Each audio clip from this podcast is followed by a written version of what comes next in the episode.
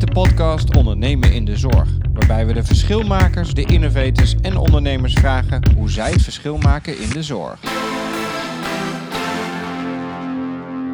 Ja, welkom bij aflevering 2. Ik ben Jetro Hardeman, eigenaar van innovatiestarters.nl, waar we zorgorganisaties helpen bij het starten, initiëren en realiseren van innovaties in de gezondheidszorg.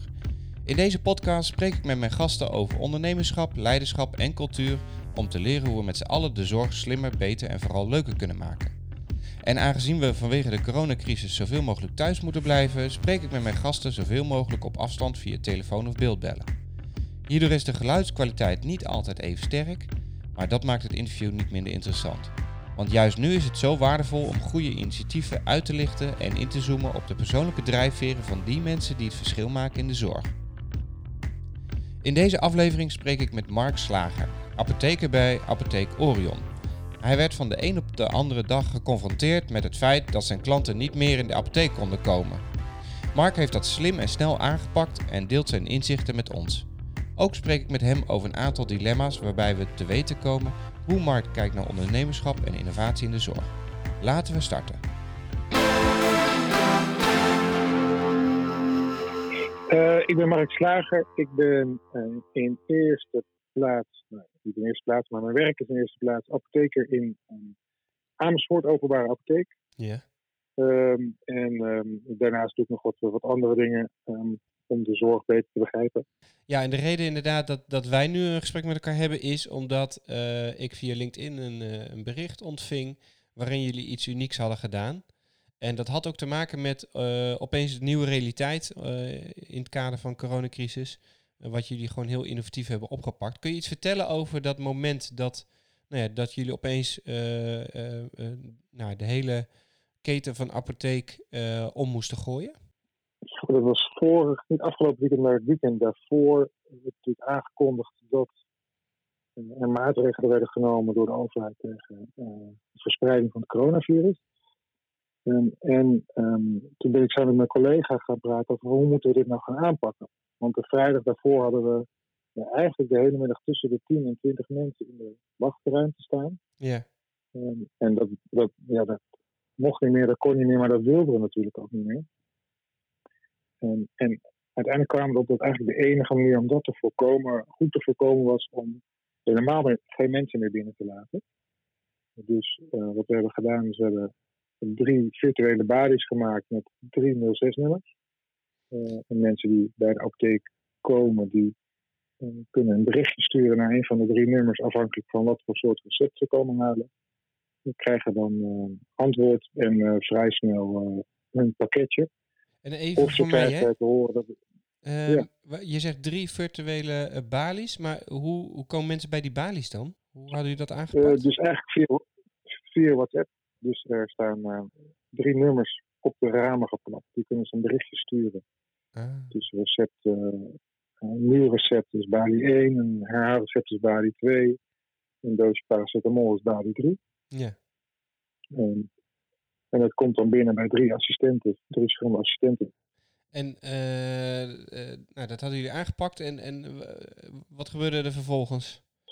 Nou ja, wat, wat we ook hadden bedacht, zijn er zullen best wel wat recepten zijn die niet klaar zijn of die niet um, meteen mee kunnen.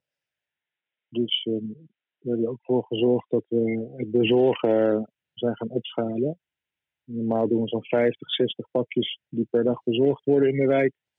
Uh, en dat was zeker begin vorige week uh, wel uh, rond 200 per dag. Zo. Um, want we willen natuurlijk niet de mensen, en zeker niet de, de mensen die, die vatbaarder zijn, of de mensen die luchtwegklachten hebben, willen we niet bij de deur hebben. Dus we zijn gewoon een stuk meer gaan bezorgen.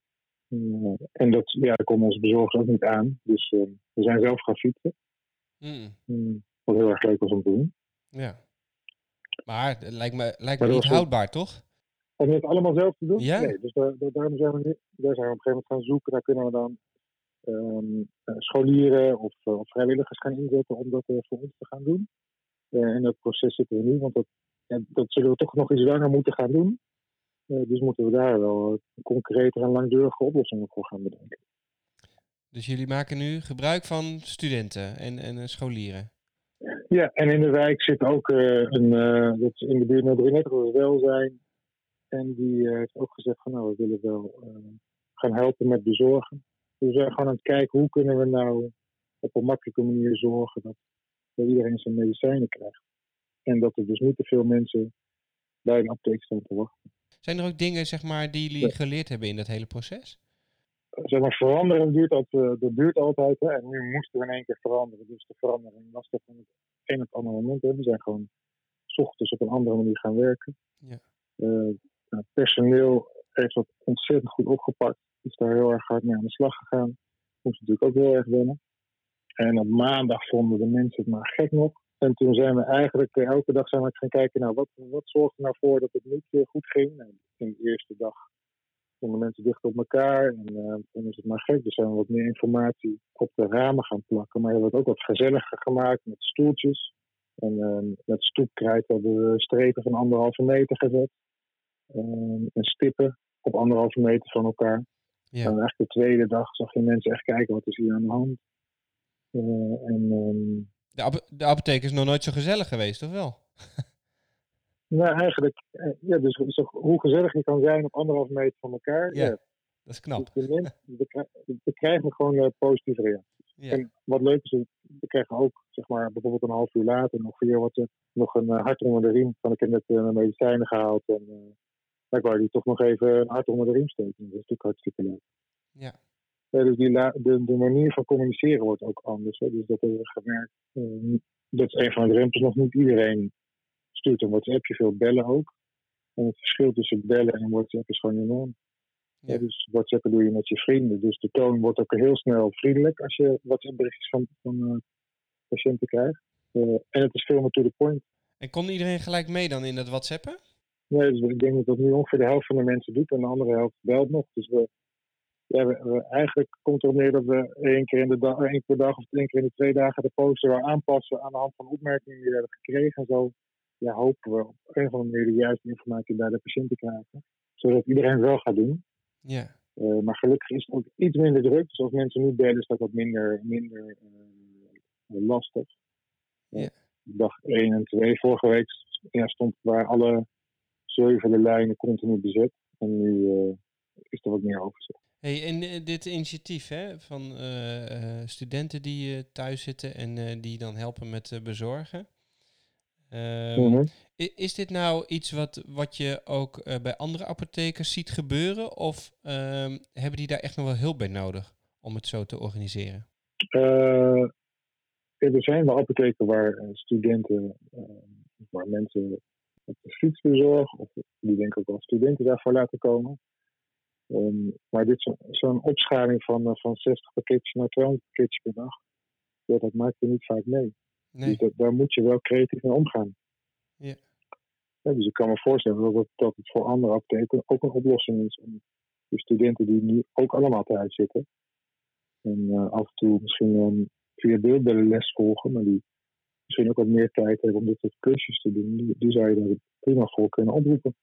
Als je het leuk vindt, want bezorgen is best wel uh, een inspannende baan. Hoor. Je bent je de hele tijd uh, rot aan het zoeken, zeker als je het voor het eerst doet. Maar de mensen die nu bij ons hebben gedaan, die vonden het leuk. Oké. Wat zouden nou nog tips zijn voor een andere apotheek die dat ook wil doen? Wat zijn dingen om rekening mee te houden? Uh, ja, de maatregelen zijn natuurlijk best strikt. Hè? Dus je moet de hele logistiek moet je wel goed regelen. Zorgen dat niet iedereen uh, veel met elkaar in contact komt. En je probeert natuurlijk ook, uh, er komen wel mensen bij op de werkvloer. Dus daar moet je ook ruimte voor maken, fysiek. Hè? Um, en wat wij hebben gedaan is ja, gewoon mensen die het graag wilden doen, gezegd nou, doe eerst maar eens tien pakketjes en kijk of je het leuk vindt en of het gaat. Um, en als het niet gaat, gaat het niet. Ja, dat is dan, dat is dan, uh, dat is dan niet anders. En je, moet, je moet wel een keer gedaan hebben om te merken of je het leuk vindt. Um, en ik verwacht eigenlijk dat we het in de komende tijd wel weer meer zullen moeten gaan doen. Mm. Dus we hebben er nu een aantal die het voor ons willen doen. En uh, ik denk dat we dat ook moeten gaan inzetten. Ja. En maar het is vooral stapje voor stapje proberen wat werkt. En als het niet werkt, dan pas je het aan en doe je het nog een keer. Ja. De tijd vraagt eigenlijk om actie en niet om projectplannen. Dus dat, dat vind ik eigenlijk wel leuk. Ja, en is dat ook iets wat past in, uh, in de branche? Nee. Nee, uh, we schrijven natuurlijk altijd uh, eerst van tevoren een projectplan. En dan leggen we eigenlijk al vast wat er aan het, einde, aan het einde uit moet komen. En, en, dan gaan we er een tijdje over doen. En dan soms zijn we teleurgesteld. In dit geval ja, moesten we zo snel schakelen dat je gewoon moet doen. Ja. En dan gaandeweg leer je. En ehm, doe je eigenlijk wat je in een projectplan had moeten opschrijven. Maar ja, dat gaat dan toch wel, gaat dan toch ook wel goed. Ja. ja. Dat is ook veel leuker, hè? Ja, dat kan ik me voorstellen. Ook voor het personeel. Want je krijgt natuurlijk ook veel meer, uh, veel meer ruimte voor input. En je kan ook zeggen, ja, volgens mij gaat dit niet goed en uh, moet dat anders doen. Het is allemaal, je bent het echt samen aan het doen. En um, in deze podcast uh, zoomen we ook altijd in op de, de ondernemers zelf. Hè? ben je altijd een ondernemer geweest in je vak? Ik ben al lang apotheker en een tijdje mede-eigenaar van een apotheek. Dus dan ben je officieel ondernemer. Mm -hmm. maar dat wil niet zeggen dat je ondernemend bent. Nee. Um, en uh, ik, ik, merk, zeg maar, um, ik heb een aantal jaar geleden de Health Innovation School gedaan. Ik heb een vrouw die veel met innovatie bezig is.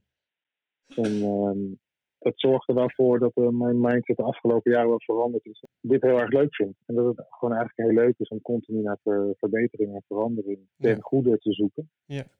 Maar elke dag een stapje vooruit zorgt ervoor dat je gemotiveerd bent om weer aan de slag te gaan. Dat, uh, dat besef en het besef dat het ook voor je werknemers geldt, dat zorgt ervoor dat je op deze manier gaat werken, denk ik. Ja. En uh, is dat normaal voor in de branche? Want ik merk vaak dat het ook een soort spanningsveld oplevert uh, als je op die manier in, uh, in de zorg bezig bent. Merk jij daar ook iets van? Ja, ik, ik, denk dat het overal geldt. Hè. Dus we hebben allemaal een soort natuurlijke weerstand tegen verandering.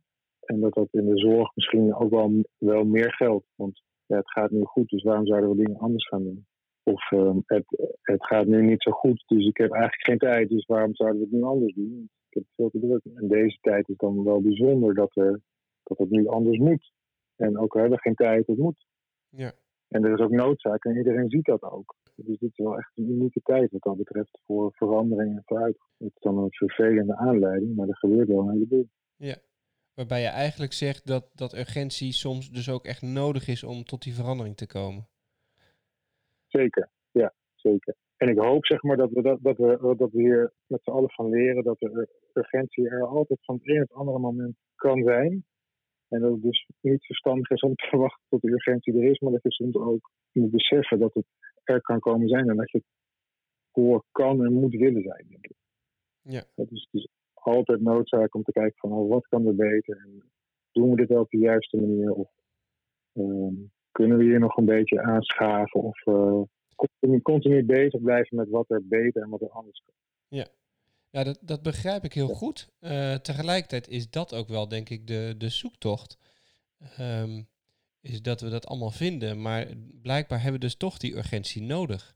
Want waarom hebben we dat dan al die jaren daarvoor nog niet gedaan? Ja, dus die, ik denk dat je vaak met kleine fixen het probleem kan oplossen. Wat er zeg maar dat is wat we de afgelopen jaren hebben gedaan. Er waren natuurlijk wel. Er is ook best veel veranderd hè, de afgelopen twintig jaar in de zorg. Ja, dat klopt. Geval, uh, toen, ik, toen ik net klaar was uh, met mijn opleiding apotheker, was ik een hele andere apotheker. Dus mijn vak heel anders dan nu. Dus er is zeker wel veel veranderd. Maar dat, dat is steeds in kleine stapjes gebeurd. Uh, nu moeten we een paar grote sprongen nemen. en, en we zeggen natuurlijk al tien jaar, e-health komt eraan en we moeten daarmee aan de slag. Ja. En nu moet het echt. Ik denk dat het zeg maar voor de omslag, zeg maar, urgentie heel belangrijk is. Er zijn natuurlijk altijd mensen die voorop lopen en ermee aan de slag zijn.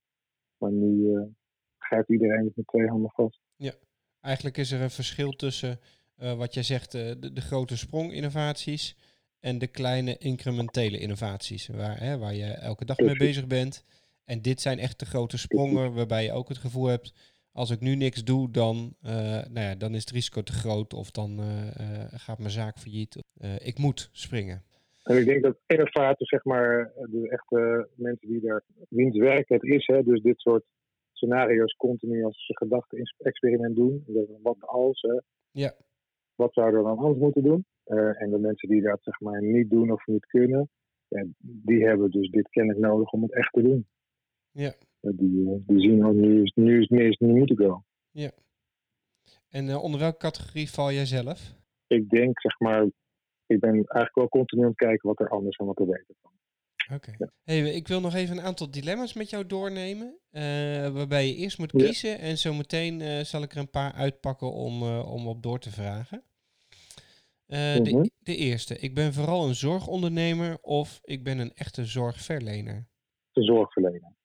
Twee. De coronacrisis helpt mee aan digitale zorg of de coronacrisis benadrukt het belang van mensenwerk. De coronacrisis benadrukt het belang van mensenwerk. De toekomst van de zorg wordt bepaald binnen de zorg of de toekomst van zorg zal ontstaan buiten de zorg. Buiten de zorg. En de laatste stelling. Regels zijn er om gebroken te worden of regels dien je na te leven in de zorg. Ehm, ja, er zijn er regels en regels. Ja, Maar regels moet zijn er om gebroken te worden. Ja? Ja, Kun, gebroken. kun- kun je dat Ja. uitleggen ja. verder inderdaad? Wat bedoel je dan? regels bij ons in- de apotheek zijn over het algemeen, de meeste zijn richtlijnen. En richt, eh, richt, wat ze altijd richtlijnen zijn er eh, om gebroken te worden. En om, om, om, om je af te vragen of het klopt en of dat eh, in dit geval geldt. Alleen, er zijn er natuurlijk regels waar je je altijd aan moet houden, omdat er gaan de mensen dood. Ja. Dus dat, dat, dat- het verschil denk ik richtlijn en regel. Ja. Ja, ja. En verder vertelde je, ja, verder koos jij eh, de coronacrisis benadrukt het belang van mensenwerk. Eh, terwijl je nu ook wel echt een opkomst ziet van digitale zorg. Iedereen is bezig met eh, zorg op afstand. Van waar dan toch Mhm. de keuze voor dat belang van mensenwerk? Ja, wat, wat, wat ik er er interessant in vind, is dat, ik, dat het beeldbellen neemt een enorme vlucht. Hè? Dus iedereen is Ja. nu aan het beeldbellen. Ja. Ehm, en en eh, eh, daarvoor gingen we soms vergaderen. En tussentijd hadden we vooral via de daar. Eh, en dat vergaderen vonden we eigenlijk allemaal vervelend. Ehm, maar nu vinden we het allemaal heel belangrijk om toch menselijk contact beeldbellen te hebben. Ik denk zeg maar dat eh, ja, wat maakt je werk leuk? Hè? Dat is interactie met andere mensen. Wat maakt zorg zorg? Dat is interactie met andere mensen. En voor elkaar zorgen. En of dat nou via een digitaal medium is of eh, face-to-face. Het gaat toch om menselijk contact. En Ja. die, dig- zeg maar de, die digitale stappen die we nu zetten, is echt wel om die menselijke, dat menselijke contact en die menselijke zorg te ondersteunen. Ja. En niet andersom, denk ik. Dus technologie kent misschien eindelijk de juiste plaats. Heeft eindelijk zijn juiste plaats ingenomen. Ondersteunend. Zeker, ja. ja, ja. En het- zeg maar, het fijne is dat iedereen dat nu ook ziet. Hè? Dus dat het ook gewoon een heel mooi middel is. En niet een projectdoel aan zich. Ja, Eh, En eh, ik hoop dat mensen daar ook van leren. Ik denk ja, dit, dit is vooruitgang en het helpt ons nu. ja. Misschien zouden we zo naar elke vooruitgang moeten kijken. Ja, dat, dat, dat hoop ik dan inderdaad dat we dat met z'n allen nu hè, enerzijds leren dat, eh, dat één, eh, technologie eh, zeker iets kan betekenen en dat het helemaal niet zo spannend is als dat het lijkt, want iedereen is er nu mee bezig en het wordt het nieuwe normaal. Maar twee, dat technologie Ja. zeker niet het doel aan zich is. Dat het doel nog steeds is eh, contact hebben, mensenwerk en technologie ondersteund is daaraan. Dus, Dat zou mooi precies. zijn. dus zeg maar de mensen die heel ongerust zijn of vanwege corona over medicatie of wat dan ook. Ja, die willen toch met een van onze werknemers erover spreken. Ja, Ja, die, gaan, die worden niet gerust, gerustgesteld door, door een website of door ehm, een app of zo. Die moet geruststellen en zo. En, en eh, dat, dat gebeurt door mensen, van mens tot mens, denk ik. Nou, heel erg bedankt, eh, Mark, eh, voor jouw verhaal. Eh, mochten mensen Ja. jou nou willen bereiken of meer willen weten over de, de apotheek op afstand of de Hack Corona Hackathon, hoe kunnen ze jou dan het beste benaderen?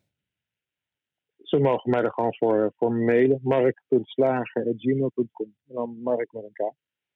Oké, nou hartstikke bedankt en ik wens je heel veel succes met, eh, met alle dingen die je nog eh, moet doen de komende weken. Ja, dankjewel. Jij ook.